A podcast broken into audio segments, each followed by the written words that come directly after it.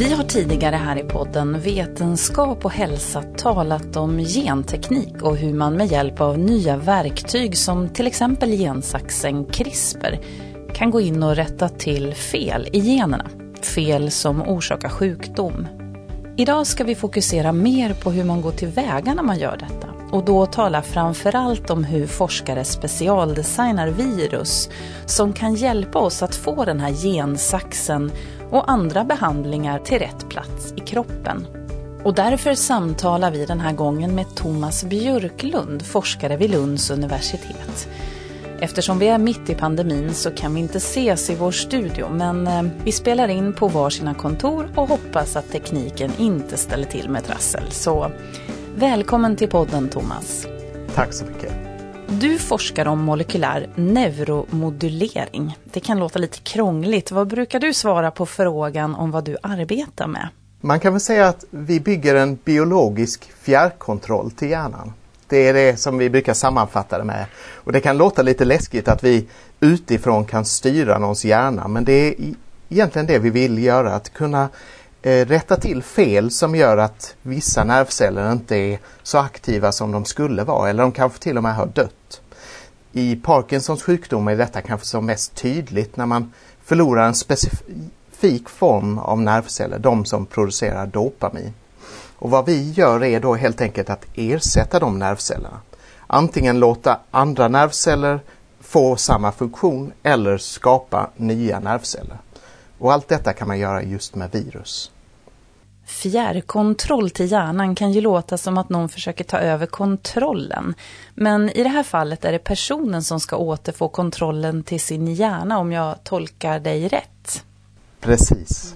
Så då är det att antingen styra det med ett litet läkemedel från utsidan eller att kroppen själv styr de här nervcellerna. Innan vi går in på det här med virus som transportmedel, vad är det som krävs för att man ska kunna behandla en genetiskt orsakad sjukdom? Det viktigaste är att man förstår sig på sjukdomen. Att veta varför får vi sjukdomen? Är den samma hos alla patienter? Och om den inte är det, finns det någon gemensam nämnare hos tillräckligt många patienter så att det går att skapa ett läkemedel? Det är ofta det senare som är svårast. En sjukdom kan ha väldigt många orsaker, även om den manifesteras på samma sätt på utsidan. Och för att forskarna ska kunna behandla sjukdomen med hjälp av ett virus så behöver de kunna angripa själva orsaken, inte symptomen. Vi måste gå till botten med varje sjukdom. Inse vilken förändring är det som har skett och kan vi behandla just den här förändringen. Nästa utmaning är att man behöver behandla i rätt tid. Många sjukdomar upptäcks sent, för sent. Thomas Björklund nämner Parkinsons sjukdom som exempel som ofta upptäcks 10-15 år efter det att sjukdomen börjat. Men vår hjärna har en sån enorm reservkapacitet att du behöver inte ha några symptom över den första tiden. Du kan faktiskt förlora nästan hälften av alla de nervceller som producerar dopamin utan att du får något enda symptom.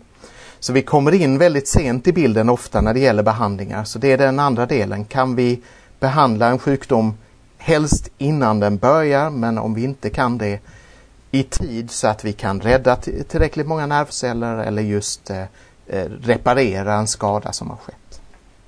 Och där har ju CRISPR öppnat upp för helt andra möjligheter som exempelvis genom att laga gener genom att byta ut enstaka bokstäver eller att stänga av gener som ger upphov till sjukdom. Och du som lyssnar och vill lära dig ännu mer om detta och hur det fungerar så kan jag rekommendera att du lyssnar på vår podd Genvägar till bättre hälsa där vi reder ut det här ännu mer. Men i korthet, det här med CRISPR är något forskarna faktiskt lärt sig från bakterier. Och den är en del av deras immunförsvar. Kan du berätta mer om det, Thomas? Mm. Ja, jag tycker det här är fascinerande för det är det senaste i en väldigt lång rad av upptäckter som vi faktiskt lär oss av naturen. Om man går tillbaks till den första så är det ju naturläkemedel vi har haft, att man ser att vissa Eh, växter har en positiv effekt och sen kan man lära sig från de här, om vi tar Johannesört, vad det är för någonting som fungerar bra där och sen så lär man sig till nya behandlingar. Samma sak när det gäller virus, att vi har lärt oss hur, hur virus fungerar och genom dem så skapar vi nya verktyg. Och CRISPR Cas9 har varit på precis samma väg. Men det har en mycket kortare historia. Bara för en 15 år sedan så hade vi ingen alls idé om att bakterier hade ett eget immunförsvar. Jag kan tänka att det är, ett immunförsvar är något vi använder för att skydda oss själva från, från bakterier. Men bakterier har också fiender. Och de fiender som bakterier har är också virus, men det är någonting som kallas bakteriofager. Så en bakterie har inte samma fiender som vi har när det gäller virus. Så coronavirus kan inte smitta en bakterie utan det är speciella virus som just de måste skydda sig mot. Eh, en bakterie har en utmaning i det att bakterien kan inte ha speciella celler som är immunförsvarsceller. För hela organismen är en enda cell. Så där måste bakterien jobba annorlunda än vad vårt immunförsvar gör. Det finns ett annat problem för bakterien. Dess arvsmassa simmar runt fritt inuti cellen. Våra celler har skyddat sin arvsmassa i en cellkärna, men i en bakterie så ligger allt fritt, huller om buller. Så vad bakterien har utvecklat är ett helt unikt sätt att skapa minne av vilka virus har jag utsatts för tidigare och hur kan jag skydda mig mot de här virusen? Och det är det systemet som vi idag kallar för CRISPR-Cas9. Så vad det systemet går ut på är egentligen att vid första virusinfektionen så har bakterien skapat ett speciellt protein som kan klippa sönder viruset. Så det klipper upp det i små beståndsdelar och framförallt då arvsmassan hos viruset. Och arvsmassan är den genetiska koden. Det är det som beskriver för oss hur allting är uppbyggt, vad som blir till olika protein och vad som sen ska byggas ihop till organismen själv. Och detta kan vara ett virus, detta kan vara en bakterie eller det kan vara den mänskliga kroppen. Så den här genetiska koden är unik, inte bara för varje bakterie utan också för varje sånt här virus som infekterar dem. Bakterien klipper alltså sönder det i små men tillräckligt informativa bitar. Bitarna är tillräckligt långa för att vara unika för varje virus. Men samtidigt tillräckligt korta för att inte ta för mycket plats i bakteriens arvsmassa. Det blir som små, små streckkoder som unikt beskriver varje virus och som bakterien sedan sparar i sin egen arvsmassa.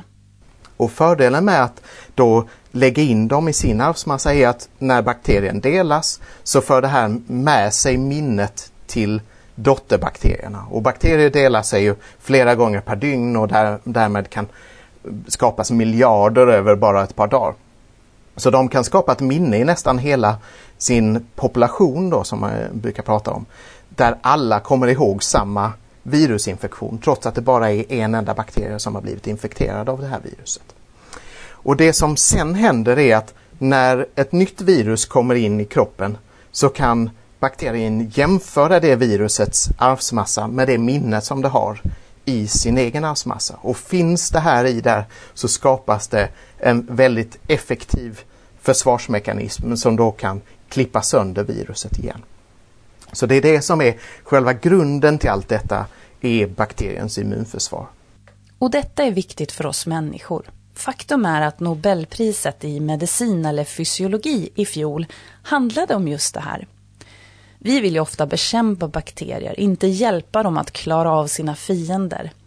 Jennifer Dodnar och Emmanuel Charpentier fick inte priset för att de upptäckte bakteriernas immunförsvar. Det var känt sedan tidigare. Istället handlade det om den smarta förflyttningen av den tekniken som bakterien använder sig av till våra mänskliga celler. Så de insåg att man kunde ta det här hela mekanismen för att eh, jämföra de här små snuttarna arvsmassa mot fiender och, och, klippa sönder dem. Den mekanismen kunde de förändra så att vi kan styra vilken snutt man jämför med och det här eh, Cas9-proteinet kan klippa sönder vår arvsmassa. Och det är det som öppnar upp så ofantligt nya och kraftfulla möjligheter. Är det här något som alla bakterier har eller är det vissa arter som använder sig av gensaxarna? Det som är fascinerande är att det ser ut som att nästan alla bakterier har det och de ser ut på olika sätt i olika bakterier. Så detta har öppnat upp en helt ny vetenskap där man kan då så att säga sekvensera arvsmassan från alla olika bakteriestammar och skapa databaser av det och säga hur ser det ut i olika bakterier och då ser man att många är väldigt olika och flera har väldigt unika och kraftfulla egna möjligheter. Och det finns, finns många detaljer i detta men, men det har öppnat upp för att kunna ha ett system som är mycket mindre så att det får plats i våra virus. Det är någonting vi kan komma tillbaks till lite senare men virus har en begränsad plats eh, i sig så man måste ha ett väldigt kompakt system och det finns från speciella bakterier som kan göra det. Andra bakterier har protein som gör att man kan ändra en enda bokstav i vår genetiska kod istället för att klippa sönder det. Och en tredje kan egentligen förändra det här steget från arvsmassa till protein som man kallar för mRNA emellan. De kan förändra dem utan att förändra vår arvsmassa, vår genetiska kod. Och det har sin stora fördel med att då nedärvs inte den här förändringen. För det är en av de stora etiska frågeställningarna.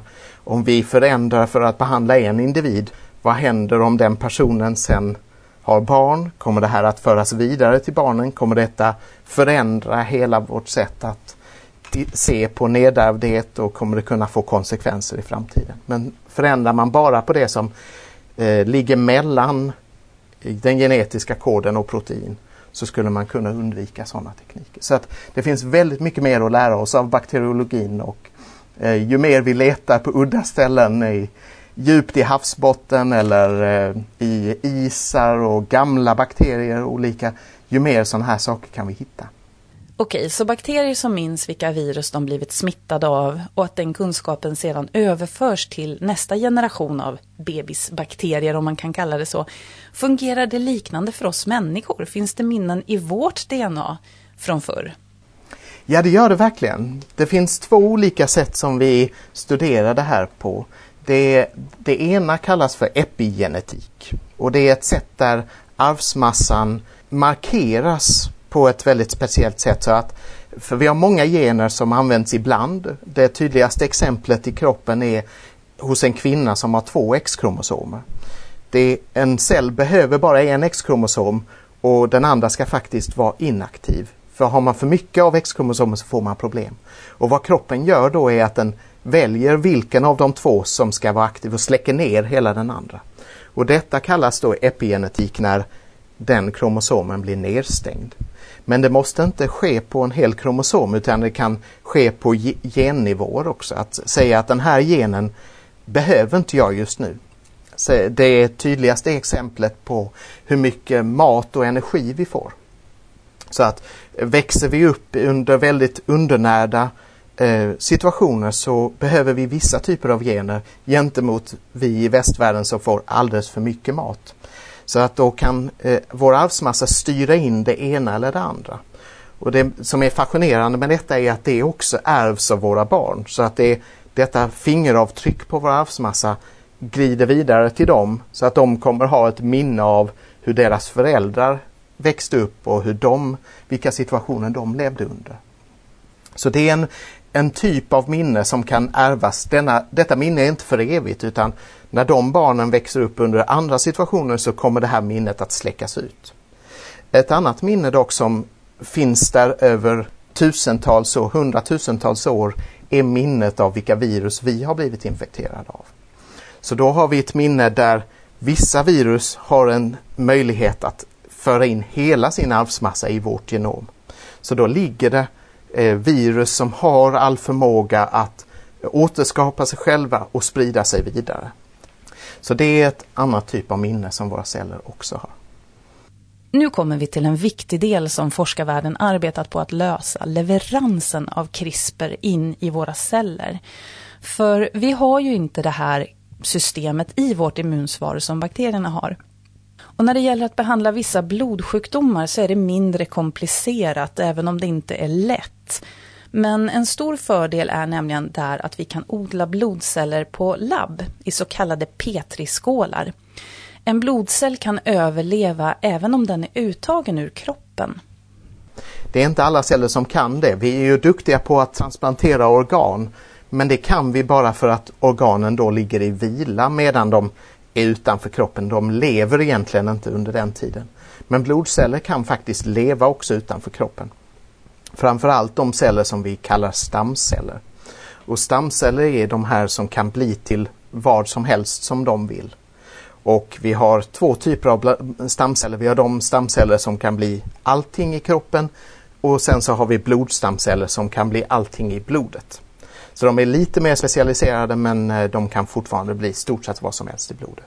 Och detta ger oss fantastiska möjligheter för att behandla med CRISPR-Cas9. För att kan vi odla en cell i en petriskål så kan vi utföra tusentals experiment samtidigt där.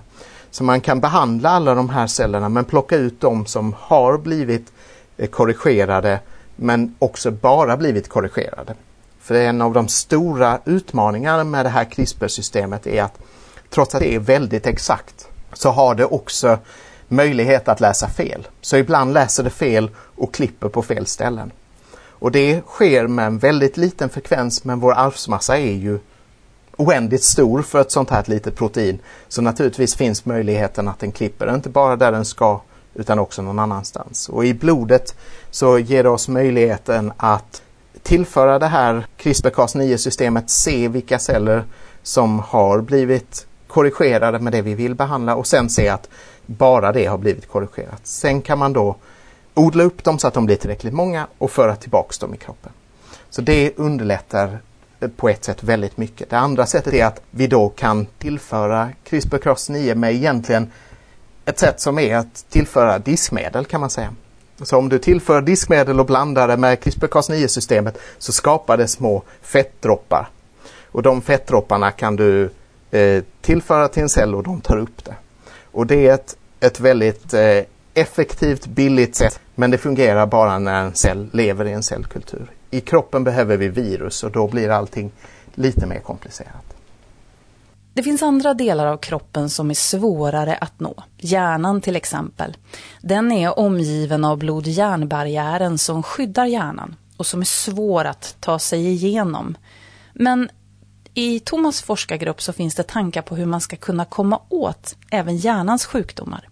Det är ju en, ett ställe där eh, forskningen nu är väldigt aktiv för att det, det finns en enorm potential med CRISPR-Cas9-systemet i hjärnan just för att vi har många sjukdomar som är orsakade av genetiska förändringar och naturligtvis så kan vi inte tillsätta nya nervceller så effektivt så vi behöver rädda dem vi har där.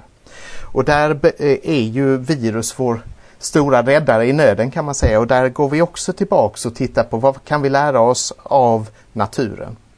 Och där får vi titta på det som är de rärligaste sjukdomarna, det som drabbar vårt centrala nervsystem på grund av virus. Och ett av de virusen som många känner till är rabies. Så rabies är ju så att smitta ofta sker genom bett, så att du blir biten någonstans på kroppen. Viruset förs in då via det här bettet, om det är från en hund eller en fladdermus, så eh, förs det då in i blodomloppet. Men det stannar inte i blodomloppet utan det eh, tas upp av de nervceller som vi har som kontrollerar vår rörelse och kontrollerar vår känsel. Och de nervcellerna, i de nervcellerna så förs viruset in till det centrala nervsystemet och in till hjärnan.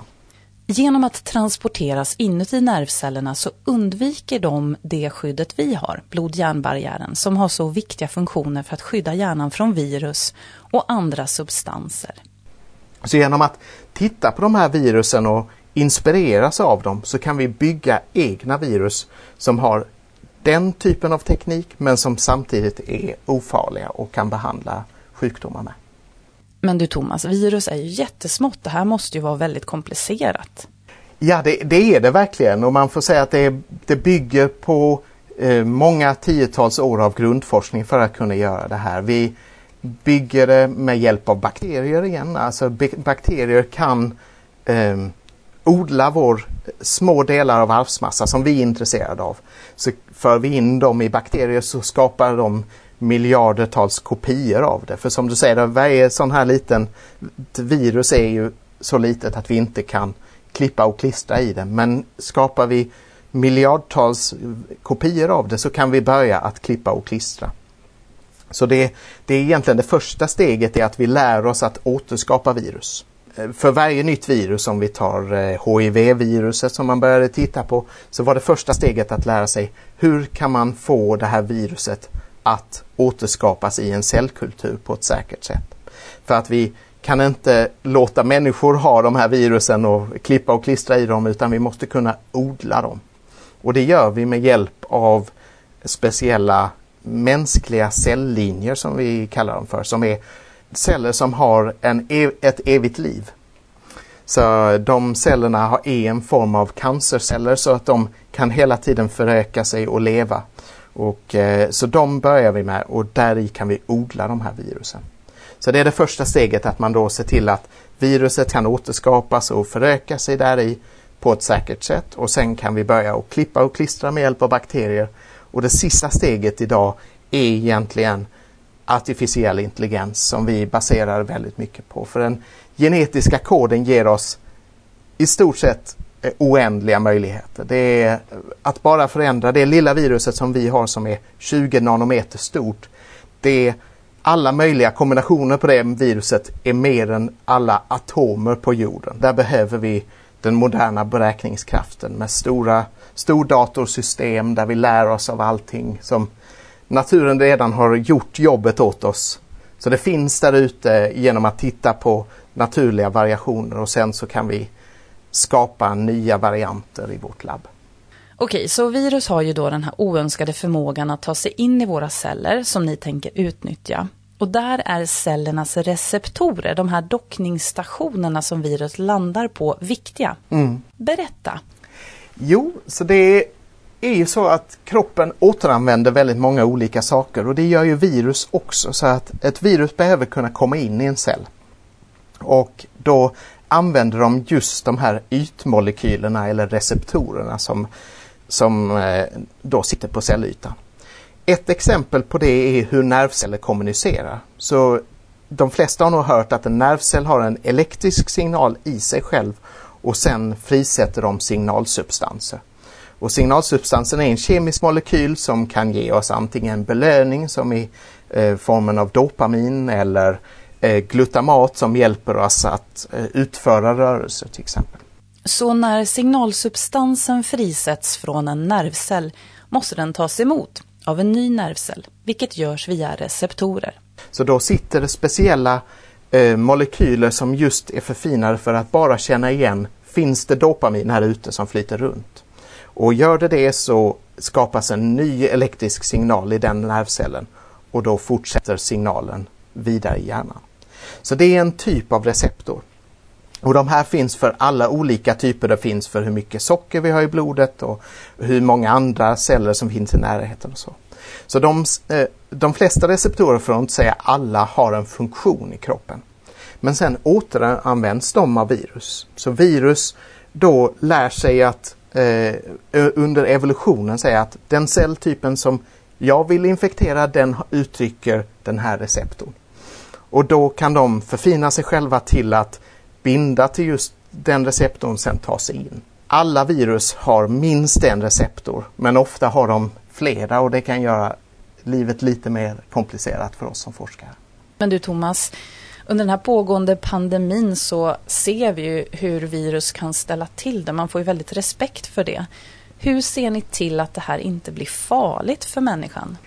Det är ju verkligen det, det första steget man gör innan man gör någonting annat är att förstå sig på vad är det som är farligt med det här viruset? Vad, vad är det som krävs för att viruset ska föröka sig? För det är inte bara det att man måste eh, se till att det inte är farligt för någon. Det, det, får inte heller föröka sig och sprida sig okontrollerat. För vad vi inte vill är ju att vi har en ny behandling som behandlar en patient men sen sprids det till eh, både deras avkomma men också deras partner och så. Det får ju absolut inte ske utan det är egentligen två saker vi attackerar först. Det ena är förökningsprincipen. Se till att viruset aldrig någonsin kan föröka sig. Och där är det lite som man tänker sig Monsanto när de jobbar med grödor så ser de gärna till att deras grödor är sterila så att du kan plantera dem en gång men måste köpa nya från Monsanto. Vi jobbar på samma sätt när det gäller virus, att vi ser till att de kan skapas i våra cellkulturer men sen aldrig någonsin förökas igen. Så de har en chans på sig, infektera en cell och sen försvinner de. Så där, på så sätt så slår vi egentligen två flugor i en smäll. Vi ser till att viruset inte kan föröka sig och därmed inte spridas vidare till fler personer. Och det är själva förökningen hos virus som är det som skapar problem för oss. Att få en väldigt liten infektion av varken covid eller HIV eller så är inte den stora risken utan det är när det förökar sig vidare. Thomas Björklund berättar att det finns fler användningsområden för virala vektorer, men att man vill börja där vinsten är som störst. Så med alla nya behandlingar så måste man sätta risken i proportion med hur mycket vi har att vinna med det. Så en ny teknik som den här, vi skulle kunna behandla färgblindhet med genterapi till exempel. Men där är det som vi kan vinna med det så pass mycket mindre än den potentiella risken att vi inte är beredda att göra det. Utan vi börjar i den andra änden och säger var är behovet som störst?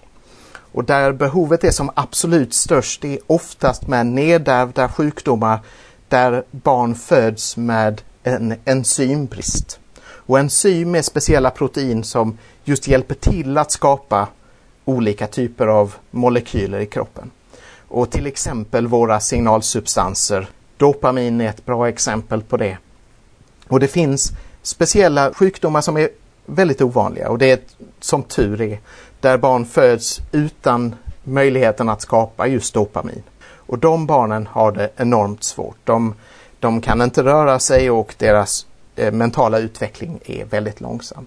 Och det är en av de stora framgångssagorna inom genterapi är att vi kan skapa nya virus som har det här enzymet i sig eller koden, den genetiska koden för det enzymet.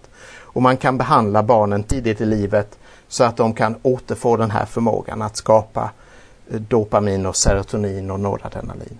Så det är ett, ett tydligt exempel där risken finns eh, med den här nya behandlingen men vinsten är så fantastiskt stor. Och det är det är värt att titta på de här patienterna när man har chansen att se videos för det är helt otroligt att se barn som i den åldern vilken enorm skillnad genterapi kan göra. Den behandlingen som Thomas Björklund nämner här har inte nått Sverige än. Vi har varit lite långsamma med genterapi får man lov att säga jämfört med de ledande länderna och det är en resursfråga på ett sätt för att det är, det är dyrt att göra virus, det får man säga. Det är, de här behandlingarna är oftast inte bara en miljon utan kanske 3 till 5 miljoner per patient idag att behandla. Vi talade tidigare här om rabiesvirus. Ni använder något som kallas adenoassocierat virus. Vad är det för någonting? Adenovirus är ett förkylningsvirus. Så det är någonting som man hittar på halsmandlarna vid förkylningar och som, som eh, därav fått det namnet. När man började forska på adenovirus så såg man att, och då titta på de här med elektronmikroskop där vi kan se varje molekyl för sig, så såg vi alla de här stora adenovirusen men sen också massa små virus kring. Och då trodde man att det här var små delar av viruset som fallit sönder men sen ju mer man tittade på det så såg man att det var någonting helt annat. Det var en liten parasit som hängde på det här adenoviruset. Och det döptes då till ett adenoassocierat virus. Det behöver ett värdvirus som hjälper dig. Så det här värdviruset är adenoviruset och det bidrar med alla de här mekanismerna som behövs för att adenoassocierade viruset ska kunna föröka sig. Så man kan säga att i evolutionen så är adenoassocierade viruset högst upp. För att det eh, använder sig av alla andra. Alla andra får göra det hårda jobbet. Adenoviruset får stå för alla generna som behövs och våra celler får stå för hela eh, utrustningen i övrigt för att kunna skapa protein och föröka sig. Och det här viruset kan fokusera bara på vad det vill göra. Det vill säga att föra in sin lilla arvsmassa, spridas vidare. Och det är det som gör det här viruset så otroligt användbart. Så vad är det då ni gör med det adenoassocierade viruset? Så vad vi gör är, är just att skapa målsökande virus. Så att vi, vi har ju virus idag som kan just infektera våra halsmandlar väldigt effektivt. Vi har andra som är bra på att infektera levern. Det är ju typiskt för att hepatitvirus, de går ju bara till vår lever. Men vi har väldigt få som är duktiga på att gå in i olika nervcellstyper, olika muskeltyper, olika celltyper i ögat. Och det är det som vårt labb jobbar mest med, är att försöka just skräddarsy virus så att de kan göra någonting helt annat än vad naturen har löst. Så att vi är lite mer ute på okända vatten i det som vi jobbar med. För att där kan vi inte bara sno från naturen rakt av utan vi måste lära oss av naturen, eh, lära oss hur kroppen själv gör, det vill säga att vilka eh, receptorer uttrycker just en specifik nervcell. Och sen så skräddarsyr vi viruset, bygger om det, designar det, förfinar det just för att nå varje sån här receptor. Så målet i slutet är egentligen att vi ska kunna ha ett piller eller en, eh, en liten vätskedroppe som du kan antingen helst kanske inhalera eller få via blodet. Och den hittar själv, undviker immunförsvaret, tar sig över blod-hjärnbarriären, hittar rätt nervcell och för in just den genen som saknas där. Och detta är ju en lång process. Vi har hittat just sådana virus som kan infektera specifikt våra dopaminnervceller. De håller vi nu på att utveckla för att kunna bli till en ny behandling för Parkinsons sjukdom. Men de eh, kan fortfarande inte gå över blod-hjärnbarriären. Vi har andra som kan göra det. Så vad man då måste göra är att göra ett litet hål i, i skallbenet och föra in en liten nål och föra in det här. Så det, det, vi är fortfarande inte hela vägen på att kunna ha ett enda virus som gör allting men vi, vi har komponenterna Regleringen av dopamin är ju ett problem vid Parkinsons sjukdom.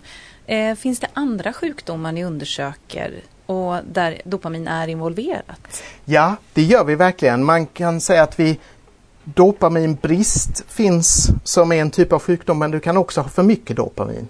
Och du kan ha för mycket dopamin på fel ställen i hjärnan och då kan du få problem med koncentrationssvårigheter och det är en av de här delarna som ligger bakom ADHD är en felreglering av dopaminet och hur det svarar i kroppen. Så det, det är någonting där man kan tänka sig att liknande terapier kan hjälpa till. Men Eh, det är framförallt i motoriken och belöningssystemen som vi tittar mest på.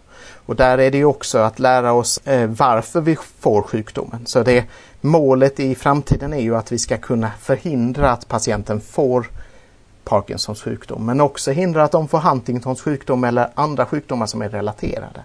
När det gäller hjärnans sjukdomar är det också en utmaning att förstå hur allt det här fungerar och det är svårt att forska på. Men kan man använda virus för att ta reda på mer hur hjärnan fungerar? Ja, det gör vi verkligen. Vi har ett par väldigt eh, spännande samarbeten där vi använder våra virus till att skapa olika celltyper i eh, en petriskål. Så hjärnan är ju komplicerad i det att allting fungerar i sitt sammanhang. Vi har nervceller som pratar med varandra men vi har också väldigt många stödjeceller och blodkärl som hjälper till att skapa vår hjärna. Så när man försöker odla nervceller i en platt skål så beter de sig inte som de ska, de överlever inte så länge som vi behöver och de kommunicerar inte på rätt sätt. Så vad vi kan göra idag är att vi odlar små minihjärnor i petriskålar, små vad vi kallar för organoider. Och genom att använda olika virus så kan vi få stamceller att utvecklas till dopaminceller, vi kan få dem att utvecklas till stödjeceller och andra nervceller. Så då kan vi skapa egentligen små mänskliga mikrohjärnor. Jag vill inte ens kalla dem för minihjärnor för de är så otroligt enkla och små men de har i alla fall fler av de här komponenterna som vi behöver. Så där kan vi då studera hur sjukdomen skapas och också bromsa den. Så där har vi lärt oss otroligt mycket och målet med ett av våra projekt är att vi ska lära oss vilka gener som behövs för att skapa dopaminceller och på det sättet också kunna reparera hjärnan med hjälp av virus. Vad hoppas du att det här ska leda till på sikt? Jag hoppas att det gör att vi kan bli bättre på att skapa nya läkemedel snabbare.